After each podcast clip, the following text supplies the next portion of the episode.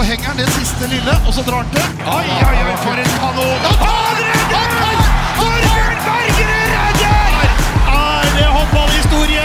Hei, hei, og hjertelig velkommen til kommentatorbua. Endelig er vi tilbake. Nå har vi hatt en liten, sånn, eh, liten pause her.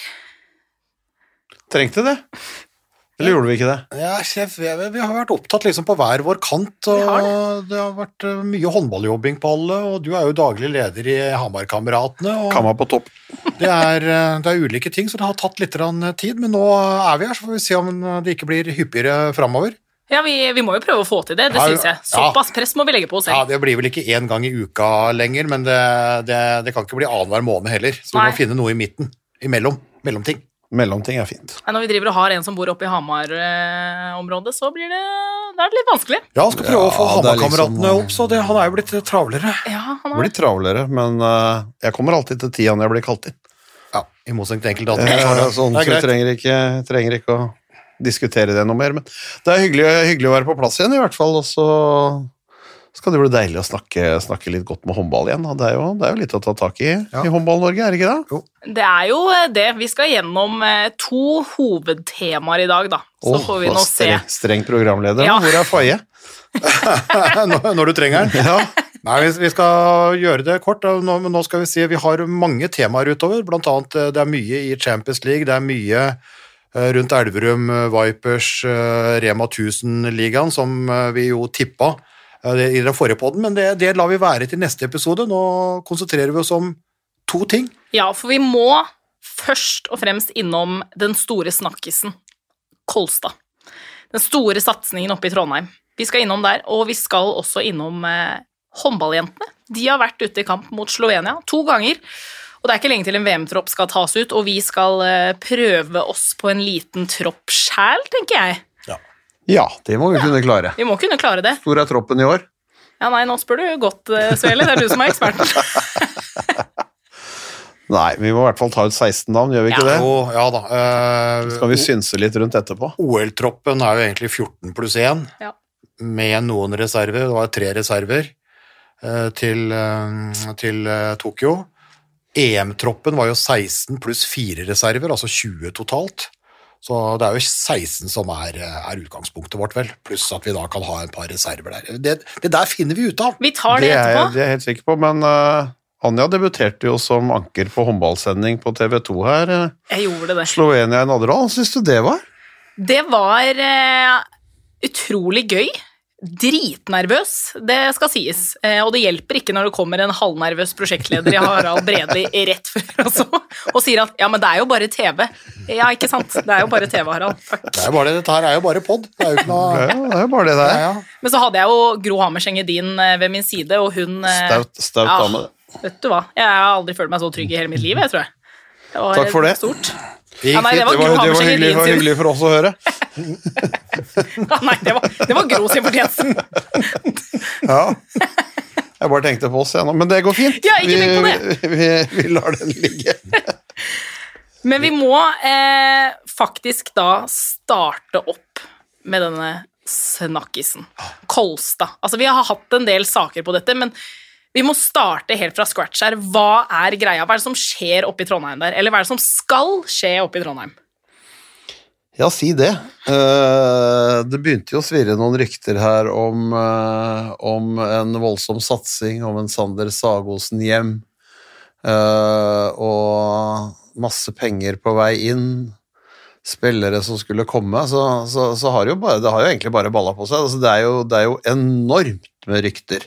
Ikke bare i Norge, men også ute i, ute i håndball-Europa, håndballverden, så, så det er klart at eh, de har satt i gang en eller annen prosess rundt, rundt dette her, og så har det nok kanskje kommet eh, ut litt tidligere enn de kanskje så for seg mye av det som, det som hadde vært. De hadde nok eh, planlagt, planlagt ting, men, men så kanskje det kom, kom litt bardust på at såpass mye har, har kommet opp, Jo, men, men håndballverdenen er liten. Ja, men min gamle helt David Crocket Altså Når han gikk i snøen, så klarte han å viske ut sporet etter seg.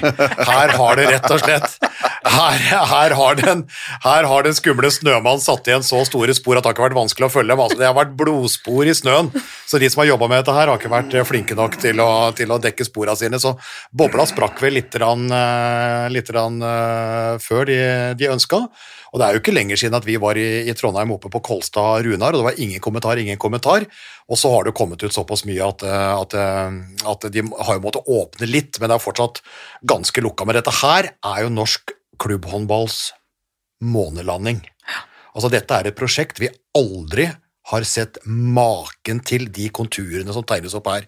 Vi har hatt Vipers, som er fersk Champions League-vinner, eh, med et eh, budsjett mellom 20 og 30 millioner. Vi hadde Larvik, eh, som holdt på med det samme i sin tid, og som vant Champions League for, for ti år siden. Her snakker vi om helt andre, andre, ting. Det er større penger og større konkurranse på, på herresida. Her ryktes det jo om en økning opp mot 50, så 80 og kanskje 100 millioner. Og det er store stjerner, eh, så, så dette, er, dette er gedigent, altså. Dette er gedigent. Aner vi hvor stort dette er, egentlig? Det er jo det folk alltid sier når du ser en eller annen prestasjon, liksom. Og så vet, skjønner vi hvor stort dette er. Men, men, dette er klart at dette her er enormt uh, fordi, at, uh, fordi, at, det er ekstremt mye penger involvert, og at de da gjør en satsing for å kunne heve seg, som Harald nevnte. Altså, altså Vipers kan vinne Champions League for damer på, på 20-30 millioner, eller, eller, rundt der. Uh, Larvik kunne gjøre det. På herresida så, så konkurrerer du med et PSG som reduserte budsjettet sitt med med 20-25% og har fortsatt 100 millioner pluss i lønnsbudsjett. Så altså det er klart at du skal ut og konkurrere i en liga som ingen norske lag har vært i noen, noen gang. Og Det er et Elverumslag som har vært med i Champions League nå en god del sesonger, som, som tipper ruller rundt på ca. 30. Skal du opp og, opp og tilfredsstille eh, ambisjonene da, til eh, det som eh, jo er Altså, det er jo altså Hele prosjektet avhenger av én en eneste ting det er Sander Sagosen tilbake til Trondheim.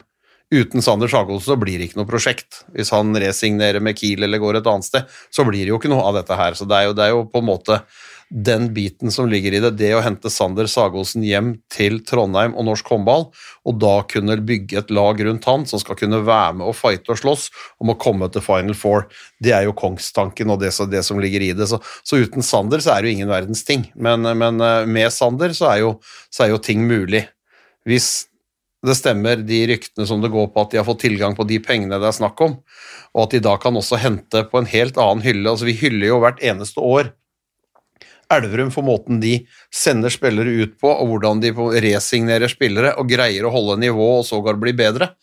Men, eh, men, eh, men eh, det Kolstad-prosjektet skal hente spillere på en helt annen hylle enn det, enn det Nils Christian Myhre noen gang kunne gjort med, med, med Elverum, så, ja. så, det er du vet Når det gjelder pengene, da, altså det du kan vinne Champions League med for, for kvinner eh, altså Både Larvik og Vipers hadde jo konkurrenter som omsatte for mye, mye mer. Eh, det omsettes jo for det dobbelte i en del eh, konkurrerende klubber, om det er Gjør eller Bucuresti eller Rostov Don eller CSKA Moskva eller, eller, eller, hva det nå er. Men der kan du altså vinne Champions League på mellom 20 og 30 millioner. Si at du har 30 millioner, så kan du vinne Champions League for kvinner. Det er det Elverum bruker for å delta i Champions League. Og 20-30 millioner er vel det PSG hadde i innsparing denne sesongen. Uh, og da er de fortsatt langt, langt over 100 millioner, ikke sant.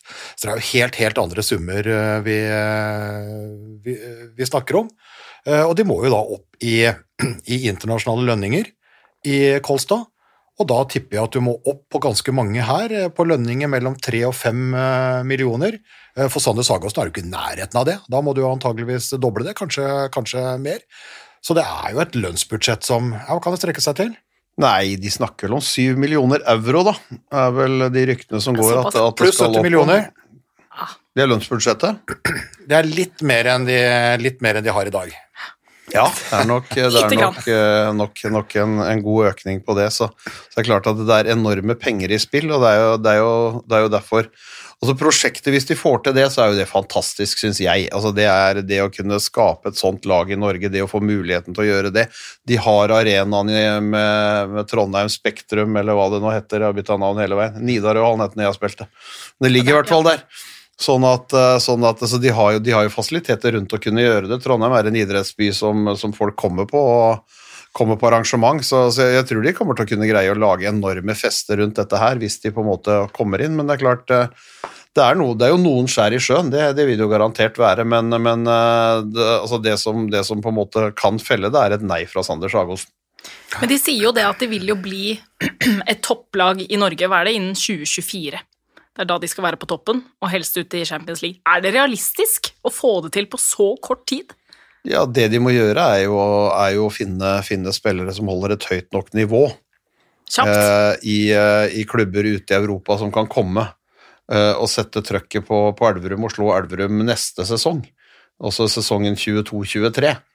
Hvis de klarer det så, og, og, kan gjøre, gjøre storsigneringer, så er det klart at da vil de få en plass i, i gruppespill i Champions League. Det, det, er jeg ikke i tvil om, men dette her har også tent en gnist på Elverum, selvfølgelig, som ønsker å være den ledende klubben og som, som, som er, er, Champions League-deltakeren per i dag. Så det blir jo ikke bare å raske sammen en to-tre spillere og tro at de skal kunne vinne det sluttspillet i Norge. Så, så, så, de må gjøre store investeringer også den sesongen som kommer. Det, altså, tidsfristen er veldig, veldig kort. fordi fordi det vi vet av Aalborg Aalborg har jo på en måte blitt det som, eh, som, som Kolstad ønsker eh, å bli. De har faktisk da nådd en Champions League-finale så seint som eh, utgangen av forrige sesong. Og de henter igjen Mikkel Hansen, ikke sant. Aron Palmarsson har kommet. Vi har jo Sebastian Barth og Christian Bjørnsen ja, der. Ja, så, så, så, de er jo på en måte der. Men de har jo brukt over 20 år på dette her. Kolstad skal bruke to år. Altså, eh, Denne sesongen får bli som det blir. Allerede neste sesong så skal de være så gode at de vinner sluttspill i Norge for å kunne få den Champions League-plassen i 2023-2024, når da Sander Sagosen og resten av Stjernegalleriet skal komme hjem. Så tidsfristen her er enorm knopp, så de er nødt for å ha flere titalls millioner inn i løpet av kort tid og skaffe spillere som er gode nok til å slå da Elverum og de andre konkurrentene. Og de må gjøre det på ett år. Det er klart, det trigger jo Elverum. Det trigger jo Arendal og de andre. Og de kommer til å filleriste sponsorene sine for å hente ut hver krone for å skaffe et lag som igjen kan banke Kolstad og knuse den, den, den, drømmen deres. Og Det er jo det som er det deilige i dette her, at vi kanskje kan få et temporitt hvor Kolstad da bare fyrer av sin rakett mot eh, månen. Uh, og de andre klarer ikke å følge med på opptil 50 eller 80 eller 100 millioner, men de kan bli såpass gode at de kan stikke kjepper i hjulene, og de kan bli veldig mye bedre, uh, og, og, både på kort og lang sikt. Hvis dette her er bærekraftig, så kan det jo bli en vanvittig velsignelse for, for norsk klubbhåndball på, på herresida. Ja, jeg var jo i Aalborg for ikke så veldig lenge siden, snakka med direktør Jan Larsen. Han er jo den personen som har vært der i disse 20 åra, vært med og bygd opp klubben, og han sa det at uh, de, må ha, de må rett og slett ha tålmodighet. Det kan ikke kjøpe seg til toppen. Men han håpet jo selvfølgelig at de brukte litt færre år da, enn det Aalborg gjorde, fordi det er jo voldsomt med 20 år. Men han forteller jo det om at altså, du får så vanvittig mye igjen for en sånn jobb, da. Altså, du får med Du får en kultur, du bygger opp eh, Du bygger opp en kultur i en by med publikum, med sponsorer. Altså, det er Du får så mye igjen, og ikke minst ligaen, da, som du nevner. Alle de andre lagene kommer jo til å Det er et enormt godt tips, og det blir ikke fulgt. Nei. Fordi det, det, kan de ikke følge. For, eh, altså, tidsrammen, de, har ikke, de har ikke tid Tidsrammen her er ikke 20 år, tidsrammen her er to år. Så de kan ikke følge det. De kommer til å kjøpe seg, eh, kjøpe seg et, et, et, et, lag. Og så er jo litt sånn kongstanken å på en måte dra hjem en del sånne norske profiler, men de er nødt for å ha en del andre ting. Og en, en del navn er jo allerede, er allerede ute her. Og av de, da De må Vi har prata om det, Bent. De må antageligvis ha i hvert fall fem nysigneringer eh, allerede da til neste sesong. Og så må de antageligvis doble det eh, da, i da, det som da drømmen deres er i Champions League-sesongen. Så i løpet av to år så må de ha ti nye spillere inn. Eh, det er jo for seg det Elverum holder på med, holder på med hver sesong, men her er, er, her er, det altså spillere som skal ha millionlønninger, så det blir noe helt annet. Men vi vet jo... Men, forskjellen er jo at det er lønn i euro, og ikke i kroner. Ja, men, eh, men, eh, men, men vi har jo en altså vi har en landslagsspiller på, på linja, Magnus Gullerud, som er i Magdeburg nå. Det går rykter om at han ikke har forlenga med Magdeburg. Eh, det går rykter om at han har en intensjonsavtale med Kolstad. Hvis dette går i orden, så, så kommer han. Eh, det kan være. Eh, vi har en landslagskeeper Torbjørn Bergerud, i GOG, som har en ettårskontrakt der. Skulle til PSG, men det sporet ser ut til å være dødt nå. Så Bergerud kan være klar i løpet av kort tid. To islendinger. Janus Dadis Marason, playmakeren som var i Bundesliga, var i Aalborg. Kan komme ut. Sigvaldi Gudjonsson, som jo var høyrekant i, i Elverum, eh, er jo nevnt av de som kan komme. Magnus Fredriksen, som også var i Elverum. Playmaker, landslagsaktuell. Dette her er jo spillere som kan komme i løpet av eh, den kommende sesongen. Og så har vi jo da fra sesongstart 23, så prater vi jo da om Sander Sagåsen, Magnus Abelvik Rød, ikke sant? Altså den, eh, den, eh, den typen spillere, spillere der. Eh, Og da begynner det jo å, å bli noe med spørsmålet er jo da hva de kan få da i løpet av det neste snaue året for å få en sluttspillvinner i, eh, Ja, og så må jo dette skje raskt, fordi at de spillerne som da sitter på utgående kontrakter, er jo opptatt av å få seg en ny arbeidsgiver eller resignere der hvor de er. eh, Og hvis, de da, hvis dette drar for langt ut, så, så er det klart at da vil jo ikke Da vil, jo ikke, da, altså da vil mulighetene de har, også bli færre. Så, så, så jeg tror at det kommer til å skje relativt mye i løpet av de neste, neste, neste ukene, faktisk. Eh, Første gang vi hørte om det, så tenker jeg What? helt ja. Altså det, det, altså det virka helt surrealistisk, ikke sant? Altså en, en, en månelanding. Men nå er det jo faktisk slik da, at, øh, at, at, øh, at øh, mennesket har jo landa på månen flere ganger. Eh, Så, så det er jo ikke umulig. Det er jo ikke umulig. Og jo mer vi ser inn på det prosjektet her, jo mer mulig kan det, kan det, kan det virke.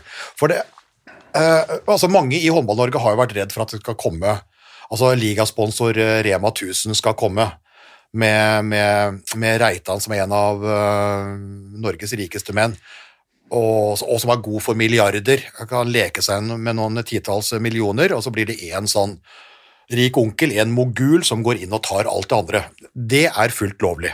Eh, Det er, det er ingen lover og regler mot det, men, men, men mange i Håndball-Norge syns at det på en måte ikke hadde sett så sabla stilig ut. Det de selv sier i Kolstad og i Rema 1000 og alt mulig, at dette er ikke en enmannsprosjekt, det er flere som skal være med, alle sponsorene skal være, men vi er vel ganske sikre, Bent, på at her er det noen som Altså, det er sikkert mange som skal inn med noe, men noen må gå inn med veldig, veldig mye. Det er noen som må gå inn med flere titalls millioner. Eh, og det kan godt være Reitan. Eh, De har eh, noen eh, laksemilliardærer, i hvert fall én der. De har Trønder Energi, som allerede er kobla opp mot Sander Sagåsen. De har banker og forsikringer, så det er, det er, det er- mulig, å, mulig å få til mellom 50 og 100 millioner der sånn. Hvis de virkelig har tro på at de kan skape et, et, et, et eventyr. Men på så kort tid? Ja, men det er jo, det er jo på en måte Det er jo det er prosjektet som trigger sponsorene, og det er prosjektet som trigger de som har penger, og at de, de kan på en måte koble til å gjøre, gjøre en sånn storsatsing i Trondheim. Men, men igjen, altså kjernen er jo da den, den store, altså byens store sønn, Sander Sagosen, at han, at han kommer hjem, og det vil i seg sjøl kunne generere de pengene. Det vil seg sjøl kunne generere andre spillere som har, som har lyst til å, til å være med på en sånn type prosjekt. Og så er det klart det at med, med de lønningene som det skisseres også, så er det klart at det er konkurransedyktig med alt det folk kan hente ute. Så jeg er ikke i tvil om at, at de kan få det til. og at... eh, Og det, og det er jo ingen som vil prate om de kontraktene. Altså Kolstad har jo da måttet begynne å prate om drømmen sin uh, og prosjektet. Det er ingen som vil prate, men, men, men vi er 99,9 sikt- sikre på at flere av de eh, vi nevner, og sikkert en del som vi ikke kjenner til, har intensjonsavtaler med Kolstad. Men hva er sannsynligheten for at Trondheims store sønn, Sagosen, kommer dit? Den tror jeg faktisk er ganske stor. Ja.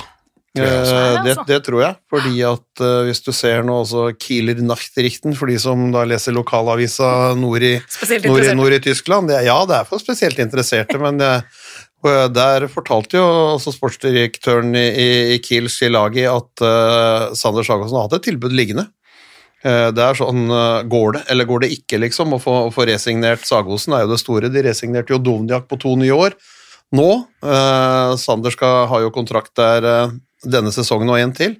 Så, men, men de er usikre på om det går. altså Den er, den er ikke signert. eh, Så, så jeg tror det er store muligheter for at Sander Sagosen kan komme hjem til norsk håndball, og det ville jo vært en, altså, De hyller jo prosjektet absolutt alle veier, for det ville jo vært fantastisk. Og jeg tror det er et sånt prosjekt er den eneste måten til at vi skal kunne se Sander i norsk liga og i norske haller eh, bortsett fra med landskamper, eh, noen gang eh, ellers i karrieren. Så, så, så det må være et sånn type prosjekt, for han har jo alltid sagt at han skal spille steder hvor de på en måte skal være med å kunne kjempe om å vinne Champions League, og, og da er de avhengige av å gjøre en sånn type satsing. og så vet jo ikke hvor lenge de har jobba. Altså, jeg tror ikke det var noe de fant på sankthansaften, liksom. Det må jo ha vært en prosess som har gått, gått en liten periode. Men, eh, og noen, som vi sa i gamle dager, noen har snakka sammen.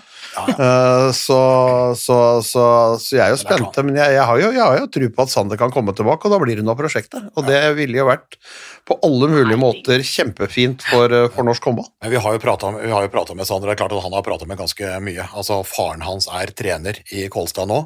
eh, Erlend Sagåsen, sammen med Stian Gomo. Han er trønder, han er patriot.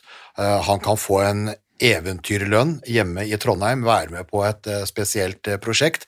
Og Vi har jo prata med Sander og lufta drømmen, og det han sa til oss, at det er jo en, er jo en, er jo en fantastisk eh, drøm. Og han sa jo Jostein Sivertsen, som er daglig leder, så hvis de kan komme opp med et prosjekt som gjør at vi har et konkurransedyktig lag i Champions League, så banker jeg på døra, sa jo han til oss eh, helt i starten, uh, da vi lagde den første saken om, uh, om, om dette her. Fordi han vil være på et lag som har mulighet til å vinne Champions League. Og han vil jo gjerne vinne Champions League hvert år, det gjør han jo ikke, men han vil være på et lag som er konkurransedyktig. Ikke bare sånn som Elverum, som, som deltar i Champions League, men som faktisk kan vinne det. Og hvis Kolstad fortsetter her sånn, så kan de jo faktisk være med å, å utfordre. Jeg tror penga ligger der. Hvis dette prosjektet her, så tror jeg faktisk at det er såpass mange titalls millioner som kan løses rundt i Trondheim, at finansieringa er der. Så spørs det da hva Sander vil. Han er nøkkelen til det, han er omdreiningspunktet, så hvis han kommer hjem, så faller resten eh, på, på plass også. Eh, så altså, det kan gå til eh, dundas, men jeg er faktisk eh, Jeg tror faktisk det er større sjanse for at det blir noe av, enn at det ikke blir noe av. Men så har det jo vært mye om hvem som skal lede dette laget. Vi må Ja inn på det sporet også, og det er jo Christian Berge, vår landslagssjef. Ja, skal trønderen hjem der også? Det er jo det som er, eh, det er, det som er den store striden da, i norsk håndball. Altså folk, eh, folk eh, som kanskje ikke følger så godt med, får, får nok en følelse av at, at det er en eller annen form for misunnelse for det at vi syns ikke at Kolstad skal dit eller Kolstad skal datt, eller hvis de får alle de pengene. Men, men det er klart, Christian Berge har jo, har jo en drøm om å vinne mesterskapsgull med Norge. Han har sett at de spillere han har i Bundesliga og andre steder, kommer slitne, eh, småskadde, til alle sluttspill eh, som, som ligger og som er. og det er klart det at eh, hvis du ser, hvis du, Uten sammenligning for øvrig, hvis du ser på Barcelona-lag som bare reiser rundt som en sånn omreisende Arnardo med popkornmaskin i Spania og spiller kamper og vinner med det de orker og gidder, og så, så er liksom festen deres er Champions League-kampa. For nå er det så mange Champions League-kamper at du greier å holde deg i gang med det. Det er puller av åtte lag, du spiller 14 matcher i gruppespillet.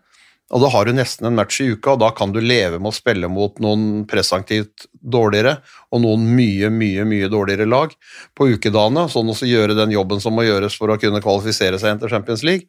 Eh, Og så får du da de festkvelda med, med Champions League-håndball, hvor du da er freshere. Du tar deg ikke ut, du sitter ikke fire timer eller fire døgn i buss eh, og må, må på en måte i kjelleren i nesten hver eneste kamp. Så, så, så forskjellen på det vil jo ligge der at de kommer inn, og det tipper jeg har trigga Christian Berge litt grann inn i dette her òg. For han, han har hatt en eller annen rolle, det har han jo innrømma sjøl. Ja, ja. Han, Ja. Altså, han, han, han har jo øh, han har jo sett på de to siste mesterskapene med da uh, plasser et stykke utafor pallen. At de har ryket i kvartfinale, både i øh, OL nå sist uh, og i, i mesterskapet i Egypt, VM. Eh, og det har vært skader i begge mesterskapene. Og vi har ikke den bredden som de har i Danmark eller i Frankrike eller i Spania. vi er avhengig av ikke bare Sander Sagås, men vi er avhengig av de beste. Får vi én eller to skader her, så det har vi sett. I, i VM og OL så er vi klart svekka, og da er vi utafor den pallen som vi tidligere har uh, vært på. Og vi vet også at Christian Berge Unnskyld. Han er, han er litt sånn som jeg så på, så på Ullevål forrige dagen, han er litt lik Ståle Solbakken. Eh, på en del sånne ting. Ståle Solbakken har jo nå begynt å prate, han har alltid vært klubbtrener, tatt over landslaget nå. Han begynner allerede nå å prate på savnet med den daglige drifta. Christian eh, Berge har vært spiller, han har vært klubbtrener. Drømmen hans, det, og det prata jeg med han eh, den gangen han dro fra Flensburg til Århus, drømmen hans var å bli landslagssjef. Og det ble han, han har blitt en sabla god landslagssjef. Men han savner å være på gulvet. Det er du ikke mange dager som landslagssjef, og han er den som, er, som lever og ånder håndball, og som har lyst til å ha det hver dag, og det er han fratatt som landslagssjef. Og jeg husker vi prata om da de var oppe og tok den første medaljen i VM i 17, og så tapte de åpningskampen mot Frankrike i Kroatia og ramla utafor pallen der. Åpningskampen var mot Frankrike, leda inn i de to siste minuttene, tapte, og det ble en følgefeil som gikk. Han, husker når vi oppsummerte det greiene der med han, så sier han altså Kort fortalt, da. Der var ikke jeg skarp nok. Det var åpningskampen mot et godt lag. Jeg var rusten. Hadde jeg vært bedre forberedt der, så kunne det ha blitt en knapp seier og ikke et knapt tap. Så han har hele karrieren sin som landslagssjef følt på at han ikke er nok på gulvet.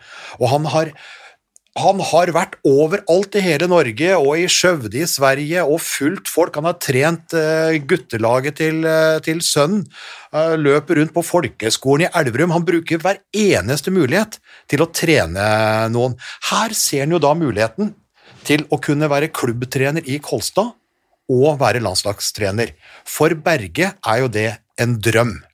Han, han, kan, han, får vært på gulvet i Kolstad, og han kan gjøre det lettere for landslaget å ta det siste steget ved å kontrollere mange landslagsspillere som da kommer hjem. Og så ser han da samtidig den tredje faktoren, at dette blir jo et jævla løft for norsk håndball. Så han sier han blir bedre, Norge blir bedre, og norsk håndball blir bedre. Det ser Berge, og så spør han Håndballforbundet om, om dette er greit. Han lufter det prosjektet, og hvilket svar han fikk, Det vet det vet vi ikke helt. Men han har i hvert fall begynt å luske i buskene og gjort mer enn det stillingsinstruksen hans tilsier at han har gjort. Han har begynt å jobbe litt for Kolstad som landslagssjef. Og det er ikke lov. Det er ikke lov, og det har de andre klubbene reagert på med rette. Varsla forbundet. Forbundet har undersøkt dette her, og det endte jo i det styrevedtaket eh, der eh, Berge fikk eh, en smekk eh, på fingeren, eh, og vel så det. Eh, Og forbundet slo nok en gang fast at landslagssjefen kan ikke deles med noe annet. Landslagssjefen er 100% i Norge. Fordi du leder fem landslag, du har administrativt og økonomisk eh, ansvar. Men Det fins det folk med vekttall til, altså. Ja, ja, ja, men Jo, ja, Ja, men, det, men det gjør jo det, til, Ja. å ha, til å ha et administrativt og ja, økonomisk ansvar. ja, du kan gjøre det, men, men, men forbundet vil ha landslagssjefen i 100% stilling. Og det er vanskelig å anklage forbundet for det. Si nå at Åge Hareide da, skal vekk fra Rosenborg, og Ståle Solbakken begynner å savne det å være på, på gressmata. Ståle Solbakken tar Rosenborg og Norge. Særlig. Det hadde gått i norsk fotball. Og det går ikke i norsk håndball heller. Altså, intensjonene til Christian Berge, han ser bare oppdeler. Jeg blir bedre, landslaget blir bedre, norsk håndball blir bedre. Han ser bare positive ting med det. Men det går ikke, fordi det blir en konkurransevridning som er helt umulig å leve med for de andre klubbene. Og forbundet vil ha den på 100% Det er jo der det har stoppet. Ja, ja, for Foreløpig. for, for klubba mener jo at eh, altså, en landslagssjef er en felles ressurs som skal kunne være med å påvirke i, i alle klubber, og ikke bare, ikke bare et sted. Altså, så, så vet vi jo fra andre nasjoner at det er mange som har hatt dobbeltroller. Eh, altså Nicolai Jacobsen syntes det var veldig altså det, det er arbeidskrevende, men han syntes det var veldig ålreit å ha når han var trener, men han var trener i Tyskland i Reineka-Løven samtidig som han hadde Danmark. Han fikk sett sine danske spillere hver eneste uke i, i klubbkamper eh, der hvor han var, og han fikk testa ut ting. Og ikke minst han holdt seg, som Harald sier, altså han holdt seg, holdt seg skarp når han skulle inn i, inn i, inn i mesterskap. For det, det handler jo på en måte om det. altså du, du blir jo akkurat så god som det du har fått trent deg til å bli, og jo oftere du skal gjøre en ting, jo oftere du havner i situasjoner hvor du ta valg, jo oftere du gjør det, jo bedre blir du jo. Det er som, det er som en lege som skal operere kne. Hvis du gjør det liksom 14 dager i januar hvert år, så og, ikke får all verden med andre ting, så, så vet jeg ikke om jeg ville valgt den legen. altså det er eh, Kontra en som, en som opererer et par Hver dag, ganger i uka. Ja, det skjønner jeg. Så, så, så, så det, handler, det handler jo litt, litt grann om, det handler litt grann om, om det å kunne, kunne da være der og føle at du er på topp når det går, ikke være usikker inn i den rollen som du skal ha når, når du leder laget. Men det har jo, det har jo vært, det har jo vært altså det er ikke uvan, men det er heller ikke uvanlig i internasjonal håndball med sånne delte roller. Det er jo også fordi at det er mange dårlige øko, økonomier der. Det er mange som ikke har råd til det. Nederland kvinner for eksempel, har jo ikke råd til det. Det er mange andre lag, selv om de har blitt verdensmestere. De har ikke råd til det. Men ganske mange delte stillinger går jo ikke da innad i, i landet. Altså, Nederland ble jo verdensmester for kvinner i Japan i 2019 med Metz-treneren, ikke sant? Det er noe annet. Du nevnte Nicolai Jacobsen. Han trente da Løven i Bundesliga og trente Danmark. Hadde han trent Aalborg og Danmark, så hadde det blitt bråk. Ikke sant? Det var, jo, det var jo bråk i Danmark når Jesper Jensen også Alle ville ha Jesper Jensen som landslagssjef. Han er trener i Esbjerg. Esbjerg ville ikke slippe ham. Ok, da, da, da ble det. Da fikk han den delte rollen. Så var det noen som mente at det var helt feil, og så var det noen som mente at det var helt riktig. For det handler jo på en måte om en kommunikasjon mellom trener, klubb og en landslagstrener på hvordan du skal, hvordan du skal løse det, og så skal du informere at en spiller er småskadd inn mot en kamp. Eh, du ringer ikke til Jesper Jensen og sier at eh, Stine Skogran eller Nei, altså, en dansk landslagsspiller er, er skada eller småskadd inn mot seriekampen mot Esbjerg. Så den informasjonsflyten der var, var det masse diskusjoner fram og tilbake med, og så løste de det med at eh, kommunikasjonen mellom, mellom, mellom landslagsledelsen og de respektive klubba gikk da gjennom den assisterende landslagssjefen, og så får vi se om hvor lojal han er om han sier noe videre, men det tror jo ikke jeg han gjør, men de har funnet en løsning på det, så det, det er mulig å løse, men samtidig så er det klart at det, det er flere problemer i det for de som på en måte sitter i det. Du kan skape noen problemer som, som er helt unødvendig å skape, og det er, det, er jo, det er jo greia som ligger i det. Vi har mange eksempler hvor det går over landegrenser, men, men Jesper Jensen er det ferskeste eksempelet der. Og så spørs det på en måte Skal vi da på en måte Uh, at det skal være leve Norge, og så driter vi i Toten. Ikke leve Toten og, og drit, drit i Norge. altså Det kommer litt an på hvordan, hvordan du ser på det.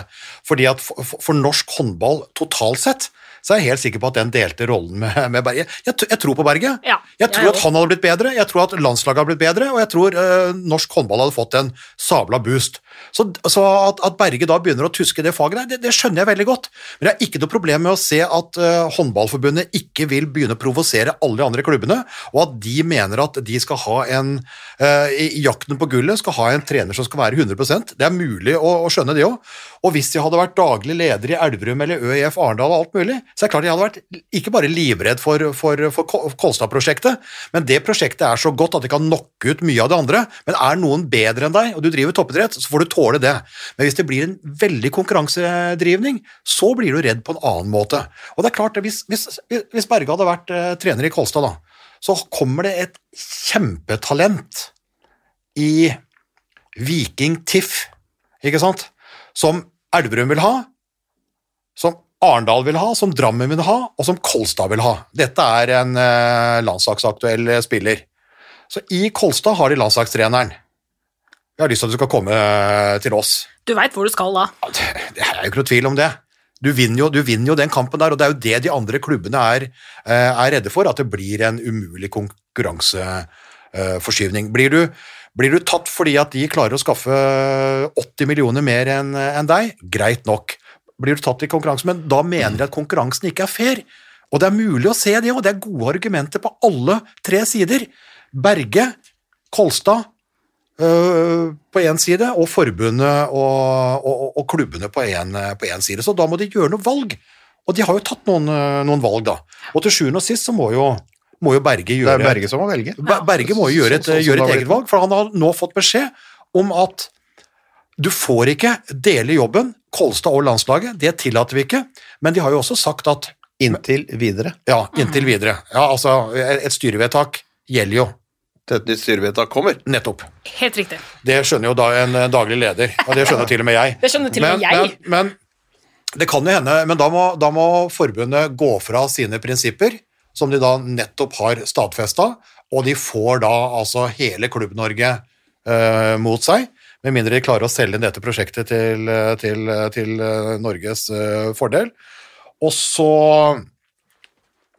Altså jeg, jeg, jeg, jeg, kan se, jeg kan bare ikke se utgangen på hvordan de skal, eh, hvordan de skal vri, vri og vende på den, eh, på den biten der. Men, Berge, men de sier jo at hvis Berge vil ut av landslagskontrakten, som gjelder etter mesterskapet januar 25, så kommer ikke de til å sette seg på bakbeina på det. Så, så det som er litt synd for Berges del, er jo at antageligvis han, han drømmer om å trene Norge, han drømmer om å lede Kolstad-prosjektet, men han må velge mellom en av de to.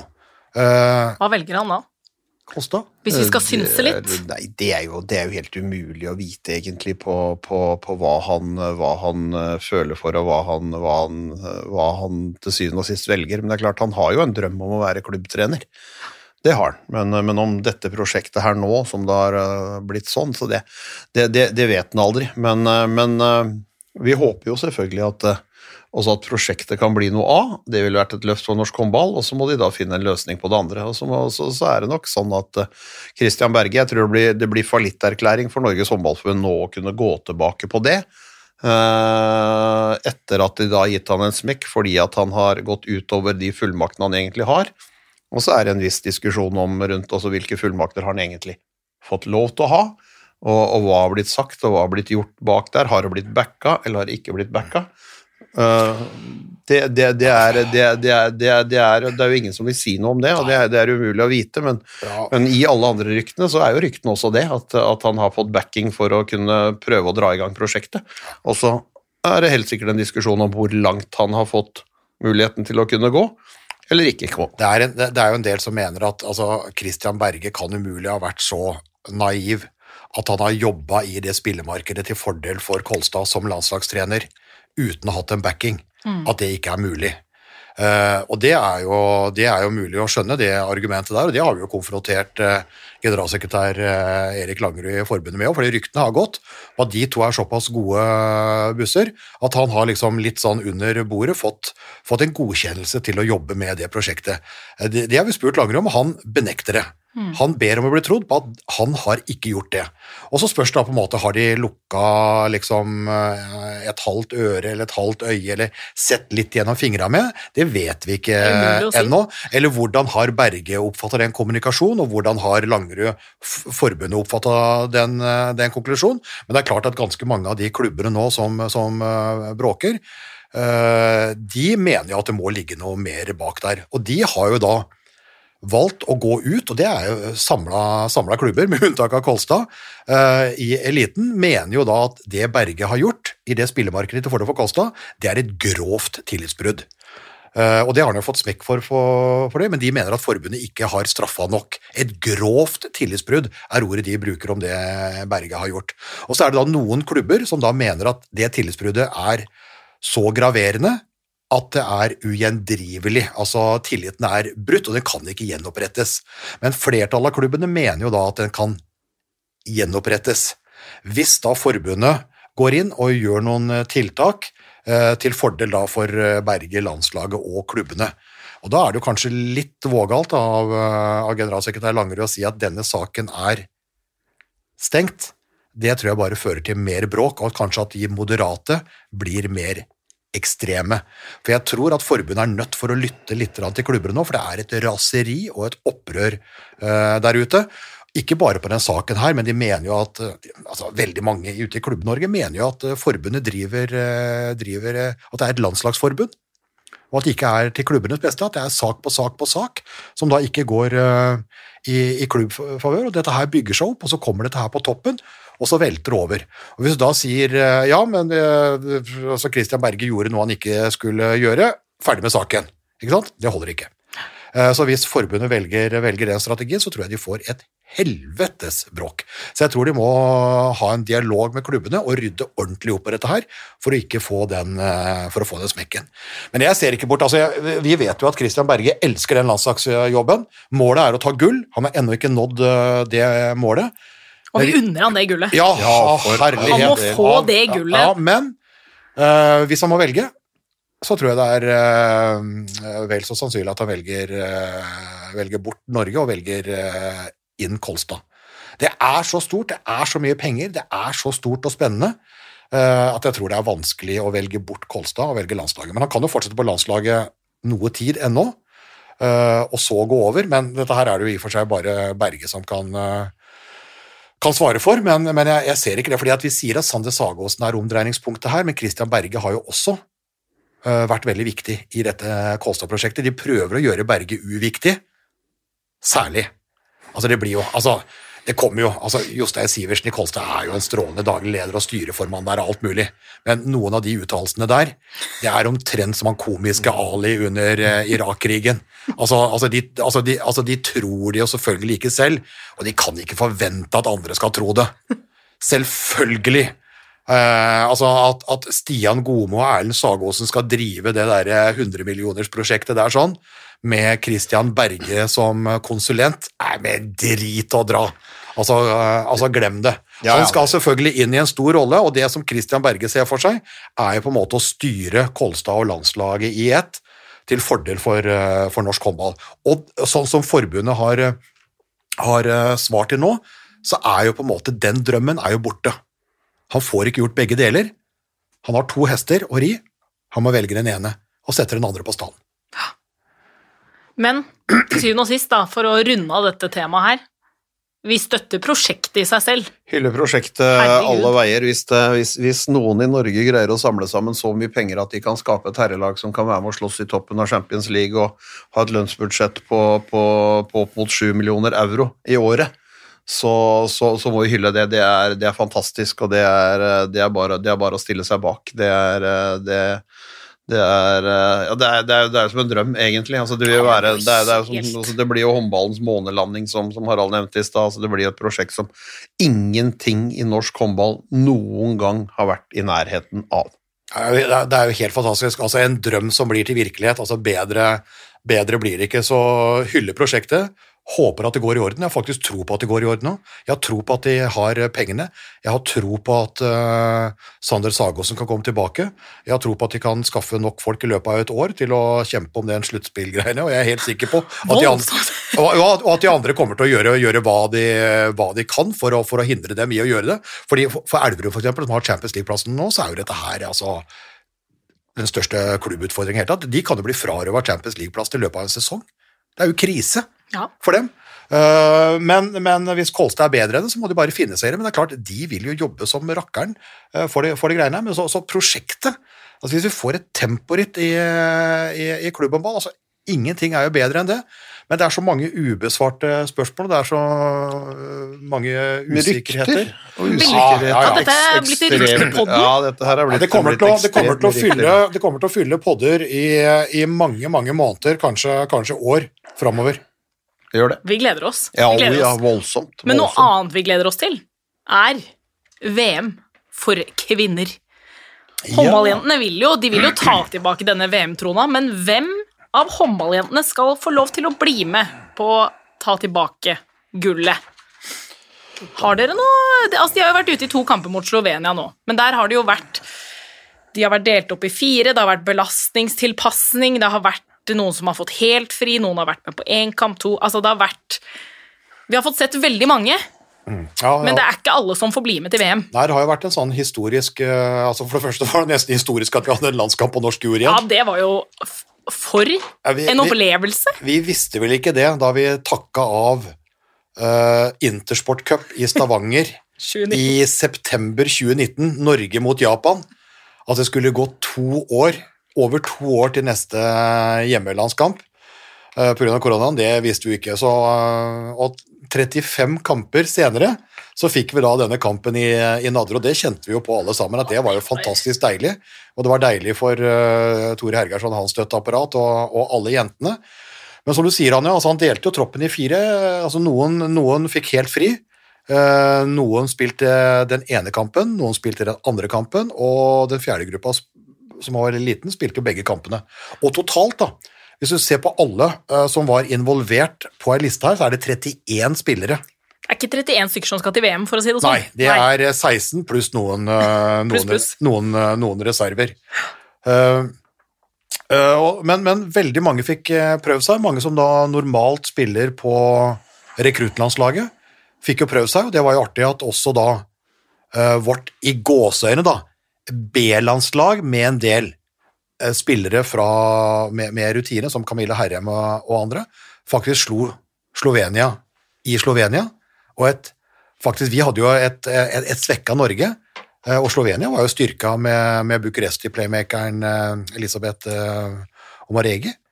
Så, så det var jo en, det var jo en bra prestasjon. og Herrem løper jo opp og ned og banker inn mål uansett. Men, eh, men det er Det var første gang med tosifra på landslaget, mener jeg. Ja, elleve Yes. mål. ja. Jeg tror det. Hadde hun fortsatt det fine kloremerket på halsen, eller? Så dere det? Eh, Et arr. Et arr. Et arr. Et arr som smykke. Men, eh, men eh, det, det- det er ganske mange. Vi har satt opp, skal vi Jeg tenker vi tar, tar troppen, jeg. Ja, posisjon. Hiver oss utpå. Vi kan jo starte med målvakter. Starter alltid i mål. Starter alltid i mål. Ja, jeg tenker vi alltid starter i mål. Ja, der hadde vi jo eh, de som var involvert nå, da, altså hjemmekampen ble jo spilt av Silje Solberg og Katrine Lunde. Uh, I Slovenia så var jo Rikke Granlund med, som jo også var, uh, var OL-reserve, og som spilte litt i EM. Og så var jo Andrea Ausmo Pedersen tilbake. Hun var jo sammen med Silje Solberg i, i VM i Japan i 19. Og der er jo altså der er jo Silje Solberg og Katrine Lunde Er vel bankers. bankers. Så Og så er vel eh, Så er det jo så er det jo Rikke Granlund som har fått, fått være med en del av de greiene. Austmo Pedersen på vei tilbake. De kommer nok til å ta med tre målvakter, tror jeg, til et mesterskap, sånn for, å, for å sikre det og ha det. Men, eh, Men vi, tar, vi, det er ingen tvil om at Lunde og Solberg skal stå i mål. ja, vi, starter, vi starter med de 16, og så plukker vi ut noen reserver etterpå. Ja, vi tar det. Skal vi bare si at det er bankers, så skal vi flytte oss over på venstre kant, da. Det er eh, også like bankers med Camilla Herrem og Sanna Solberg Isaksen. De har vært gjengangere der, og de vil, de vil garantert spille mesterskap for Norge. Ja, nå, øh, Sanna var jo ikke med nå, litt sånn belastningsstyring. Herrem Hun var med på begge kamper. Ja, altså Herrem er jo er jo en som spiller i Sola, og som da ikke har det Champions League-hardkjøret som mange av sine kollegaer, ikke sant? så hun vil jo gjerne ha internasjonal matching. Så dette her var jo bra for henne òg, fikk, fikk jo to landskamper. Altså en Stine Brell Oftedal og Nora Mørk trenger jo, trenger jo fri. Eh, hun trenger alt annet enn fri. Eh, og får jo det. Og så var jo da de to Vipers-kantene var jo med, altså Vilde Kaurin Jonassen og Sunniva Nes Andersen var jo med, men de står jo i køen bak eh, de to rutinerte. Så venstrekanten er like klink som målvaktene. Ja. Vi flytter oss over på eh, venstre bakspiller. Venstre bak, ja. Ei, ei, ei, Ja, ei, den ei. den er, er, den like bankers? Nei, Veronica Christiansen er nok bankers der, også. var jo en Kristine Breistøl som fikk være med til OL, en Emilie Hegg Arntzen som eh, ikke fikk være med. Vi har en eh, Ragnhild Valle Dahl som har gjort det strålende for eh, Vipers i, eh, i Champions League-matcher. Så, så det, er, det, er jo, det er jo nok å ta, men Veronica Christiansen, hvis jeg skal eh, tippe der, så er Før du tipper, da. Der er det faktisk seks navn som har vært i, i bruk nå. Ja. I tillegg til de nevnte Vicky, Heg Arntzen, Breistøl, Valle Dahl, Ingvild Bakkerud og Guro Nestaker ble henta opp fra rekruttlandslaget når Valle Dahl ble, ble skada. Hadde jo et eh, veldig overtråkk og kunne ikke være med på samlinga, dessverre. Det har vært artig å se henne på A-landslaget nå etter den eh, sesongstarten hun har hatt, eh, hatt i Vipers. Men her er det altså seks stykker da, i, den, eh, i den posisjonen. Hvis vi da dytter Henny Reistad over på midten foreløpig, så er det det. Eh, Veronica Christiansen er jo bankers. Og så spørs det da på en måte hvis du skal velge én annen, da, så er det jo Heg Arntzen var med i EM, Kristine Breistøl eh, var med i OL, Begge var med nå, mot Slovenia. Bakkerud var EM-reserve, Ragnhild Valle Dahl er på vei eh, opp og, opp og fram. Eh, og så er det jo da Heg Arntzen og Breistøl da, som kan dekke midten bak, som er viktig. Jeg tror vi ender opp på de tre. Veronica Christiansen, Emilie Heg Arntzen, Kristine Breistøl. At alle, alle tre er med. Ja, tror jeg. Ja,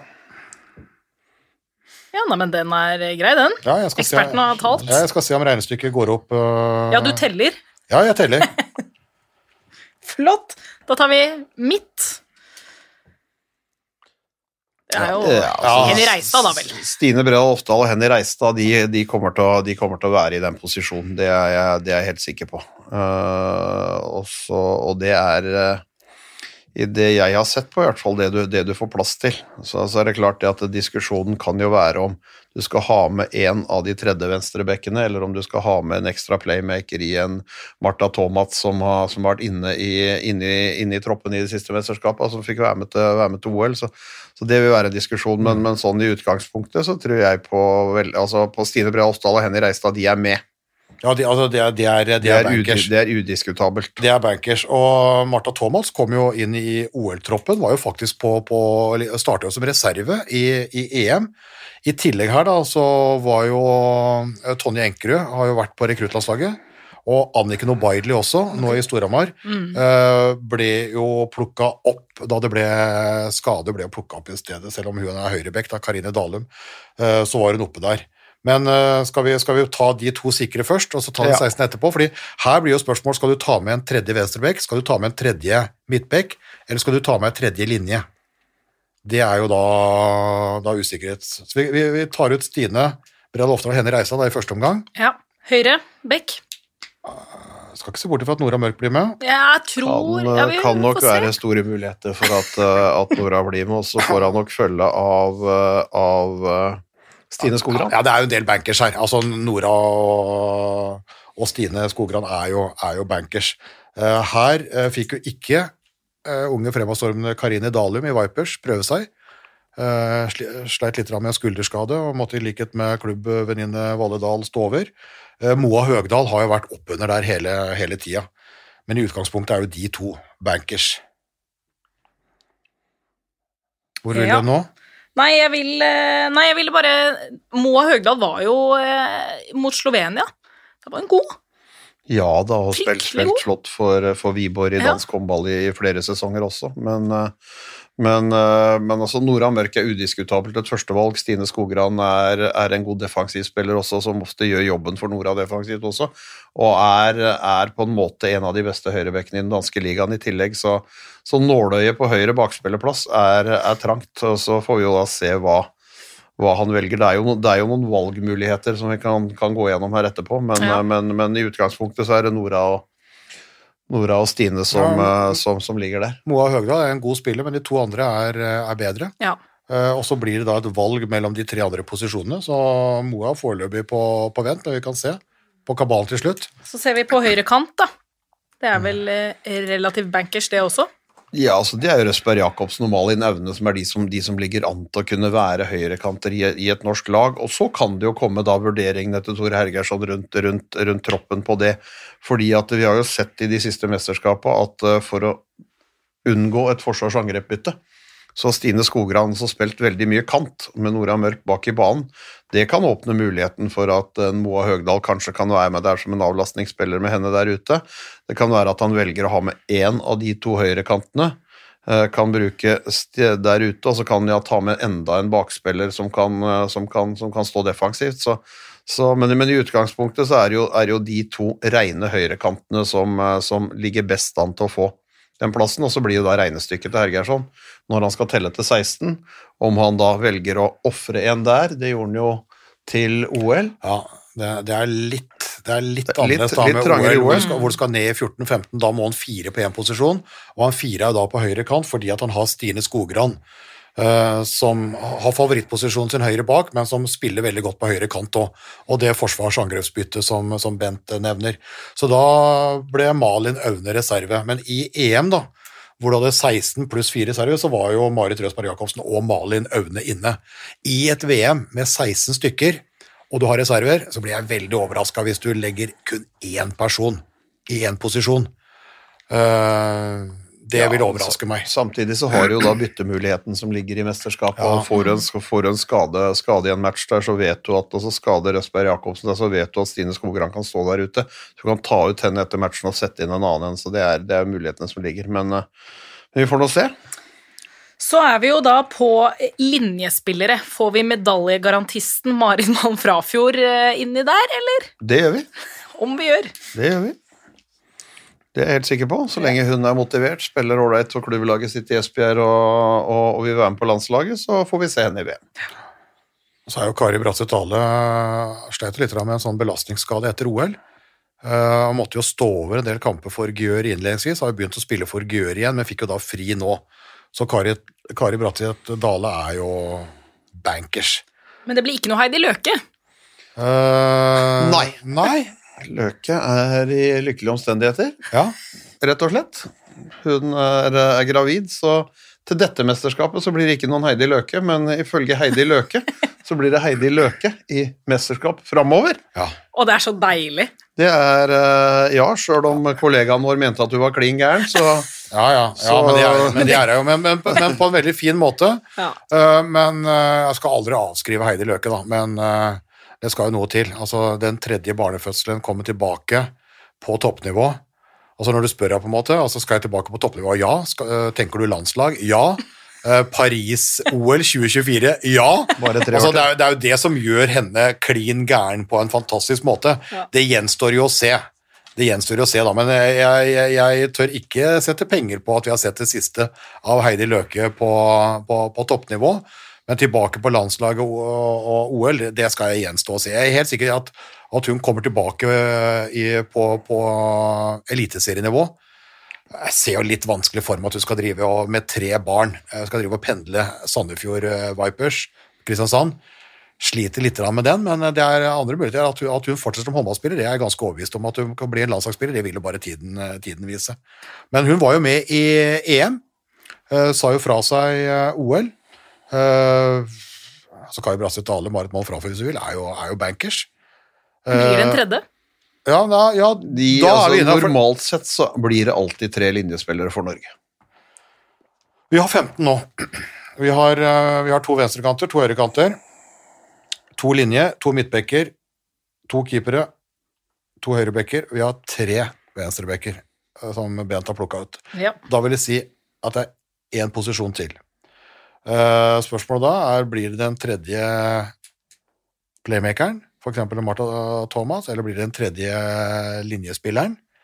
Uh, De som har vært med ellers der, er jo altså Vilde Mortens Ingstad har jo vært skada i evigheter og måtte jo melde forfall nå også. Uh, Vilde Ingeborg Johansen ble jo henta inn og fikk jo da et OL i Ingstad sitt fravær og Heidi Løke sitt fravær. Og Maren Årdal, som har vært i Romania, som nå er i Danmark, i Odense, ble jo kalt inn nå, fikk en, fikk en landskamp eh, borte mot Slovenia. Så det er jo et, eh, det er jo et visst eh, påfyll her. Men eh, den 16. plassen, er det den tredje linja, eller er det en eh, tredje playmaker, eller må vi kaste ut en av venstrebekkene? Der vi hadde Veronica Christiansen, Hege Arntzen og Breistøl. Ja, altså sånn Tradisjonelt sett så pleier de å ta med tre linjespillere. Jeg tror de kommer til å kunne gjøre det. Altså, det blir jo en forsvarskabal til syvende og sist her. Altså, hvis han da velger Heg Arntzen og Breistøl, så har han jo to som kan stå i midtforsvaret der, og da kan du kanskje være nede på to linjespillere. Samtidig så, så, så, så er tradisjonen hele veien å ha med tre linjespillere. Det, men dette her er jo den diskusjonen som er foran uttak og rundt uttak hvert eneste år. At den spilleren som sannsynligvis får bortimot minst spilletid, altså den 16. spilleren, er den vi snakker mest om. Det er, det er jo, det er jo, det er et sånt tilbakevendende, tilbakevendende greie, ikke sant. Men, og så er det jo muligheter å bytte underveis og inne, inne i mesterskapet her, men, men jeg tror han tar med tre linjespillere. Det tror jeg han gjør. Uh, og det betyr jo at da er det sannsynligvis for kort tid for Vilde Bortensen Ingstad. Og da lukter det vel Vilde Ingeborg Johansen eh, en gang til, med, mindre Ingstad da dokumenterer god form og, og viser inne, for det er en spiller som, som Hergersson er glad i, og som er en kriger defensivt, og som er en, en, en linjespiller som ligger og trekker og som bruker fysikk, så, det, så, så, så Ingstad er nok et innslag i landslagstroppen framover, tror jeg nok, men, men om hun, hun, hun rekker å bli klar til det her, eller, eller hvordan det blir, det, det vil tiden vise. Men er det noen jokere som da kan være reserve, som kan bli bytta inn underveis? Er det noen som peker seg ut? Vi har jo nevnt liksom Ragnhild Valle Dahl, Annike Nobaili altså det er, det er noen her som kan komme inn og det er, det er, du, du kan si at det er jo tolv spillere her som er helt klink. ikke sant? Altså Venstrekantene, høyrekantene, to på linja, to høyre bekk, to uh, midtbekk, en venstre bekk, uh, to målvakter. Altså de, de viktigste er jo, er jo inne. Eh, du tok jo ut Emilie Hege Arntzen og Kristine Breistøl. skal jo like å se Ragnhild Valle Dahl mm. igjen her. Altså, hun, hun kjemper om en, eh, om en plass. Har en X-faktor i, et skudd, det, det er ingen tvil om det. Men vi vet også, også betydningen av Midtforsvaret. Ja, Og hvordan han vil komponere det, og avlastning da, fordi at Bratseth, Dale og Marit Mann Frafjord kan ikke stå der hele tida, og i tillegg da skal, skal Bratseth Dale spille hele tida framover. Så, så, så det blir de, blir de, blir de tinga, i hvert fall når det drar seg til i VM. Altså gruppespill er ikke noe problem. Da, da er det mot uh, Iran, Asia tre og fire. Iran, Iran og Kasakhstan. Ikke sant? Så, så det er jo Ja. Og Romania. Knapt nok en gymtime, de får ha meg unnskyldt, men det er, det er jo det. Ja. Uh, men Romania er jo et, er jo et og så, så vil de jo dra seg til etter hvert og utover i mesterskapet, selvfølgelig, men de får en rolig inngang på det. Men, eh, men, eh, men eh, det er jo den å, å bruke, bruke troppen sånn på det. Og så er det jo tradisjonelt sett ikke Altså, de bytter jo ikke for å bytte, eller har en plan om å bytte et par kamper og så bytte tilbake. Så, så det, blir, men det blir veldig spennende det blir veldig spennende å se. Men, eh, men, men det, er 12-13 som, altså, som er helt sikre. Det er det. Og så vil det være en kamp om Det kan jo godt være altså en Valle Dahl, hvis hun fortsetter å treffe som hun gjør i Champions League, så er det klart det er jo vanskelig å unngå. Har jo en X-faktor i skuddet sitt, som Breistøl har. Ikke sant? Som, eh, så, så vi får se. Jeg tror jo uh, Ja, altså det som, det som er i favør av Emilie Heg Arntzen og Kristine Breistøl da, kontra Ragnhild Valle Dahl, er at de dekker i midten. Det er, en, det er en fordel, og Norge starter jo i, starter i forsvar, så det er pre de to. Eh, Så spørs det på en måte om du, om du velger å ta med en av de, og tar da skuddstyrken til Ragnhild Wahl da. Det vil jo, vil jo vise litt den siste tida. altså VM-uttaket blir jo gjort da 9. november. Det er ikke så lenge til.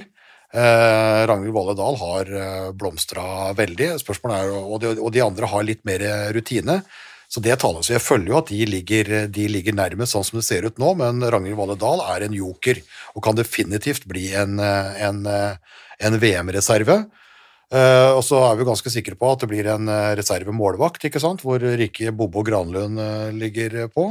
Du har jo nevnt Moa Høgdal, kan jo bli med som en reserve da på høyresida.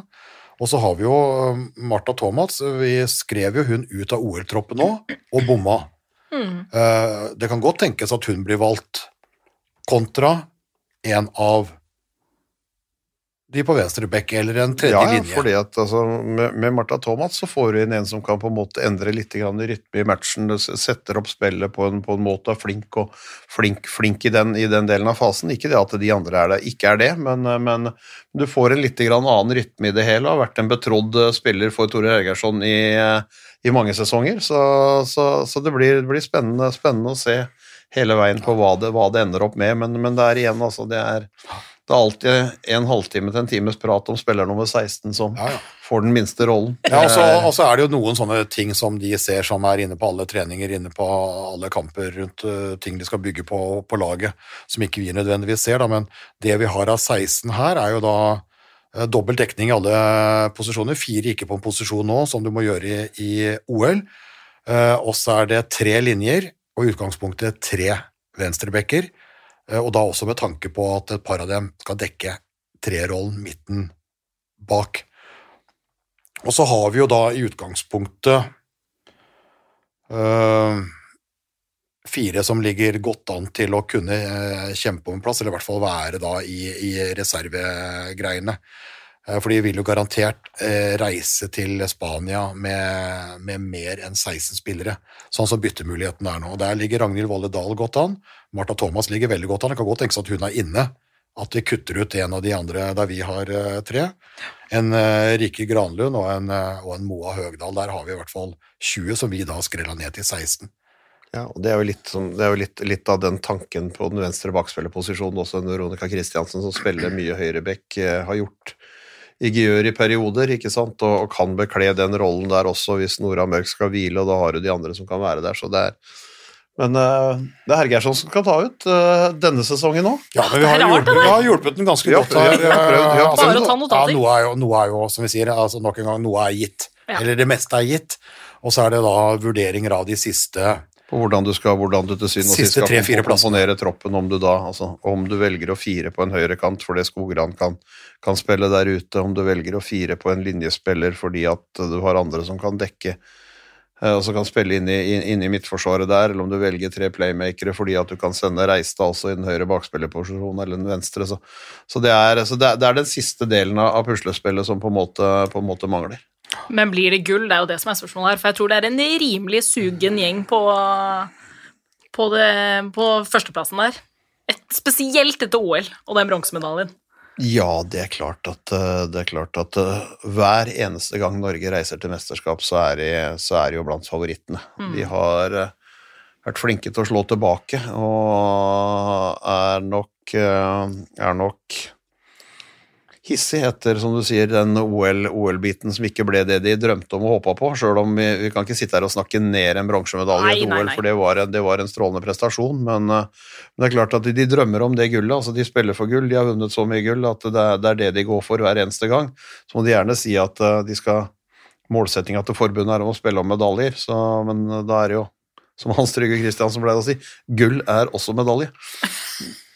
Sånn at, eh, sånn, at, eh, sånn at, eh, jeg tror at vi får se et tagga og norsk lag. Og så har de jo gjort, det er ikke så ofte de har gjort tidligere, altså de gjør en belastningsvurdering inn i de landslagsukene som egentlig har vært hellig, fordi at trøkket etter OL har vært så voldsomt som det har vært. Det tror jeg har vært smart av Argeirsson og spillerne, at de har greid å, å komme seg fram til det. Og da benytter han en mulighet nå til å få se ganske mange spillere. Splitter opp en tropp som vi har snakka om i fire.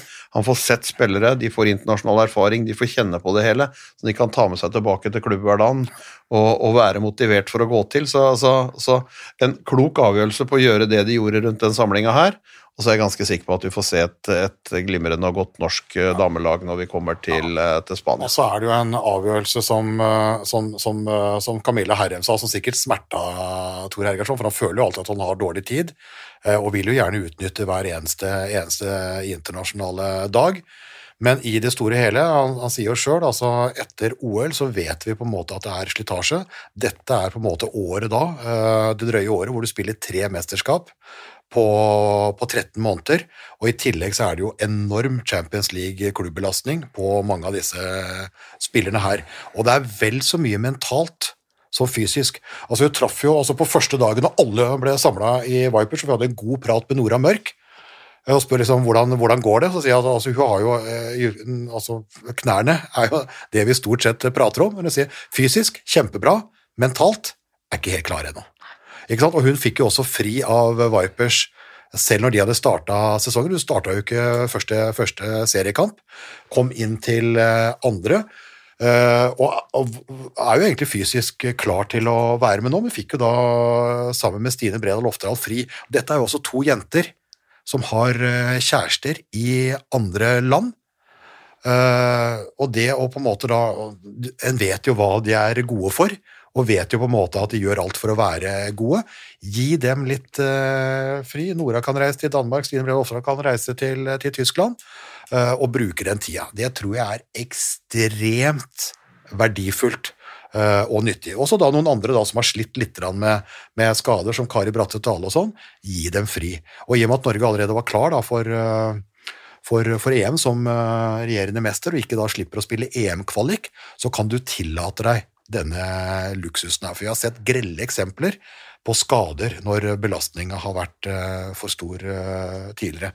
Men sånn som Norge ser ut, eller har sett ut, og så ser ut, uh, så vet vi at når det blir en del skader, så rammer de fort av pallen, sånn som de var i mesterskapene før EM-gullet. Når de har et lag som dette her, så vil de alltid være en av gullfavorittene.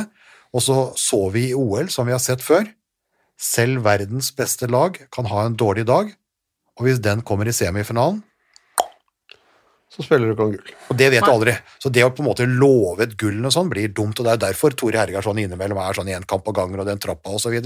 Fordi han vet at øh, en eller annen dag så, så, har du kanskje ikke dagen. Den kan komme i en kvartfinale, den kan komme i en semifinale, den kan komme i finalen, og da er ikke gullet der.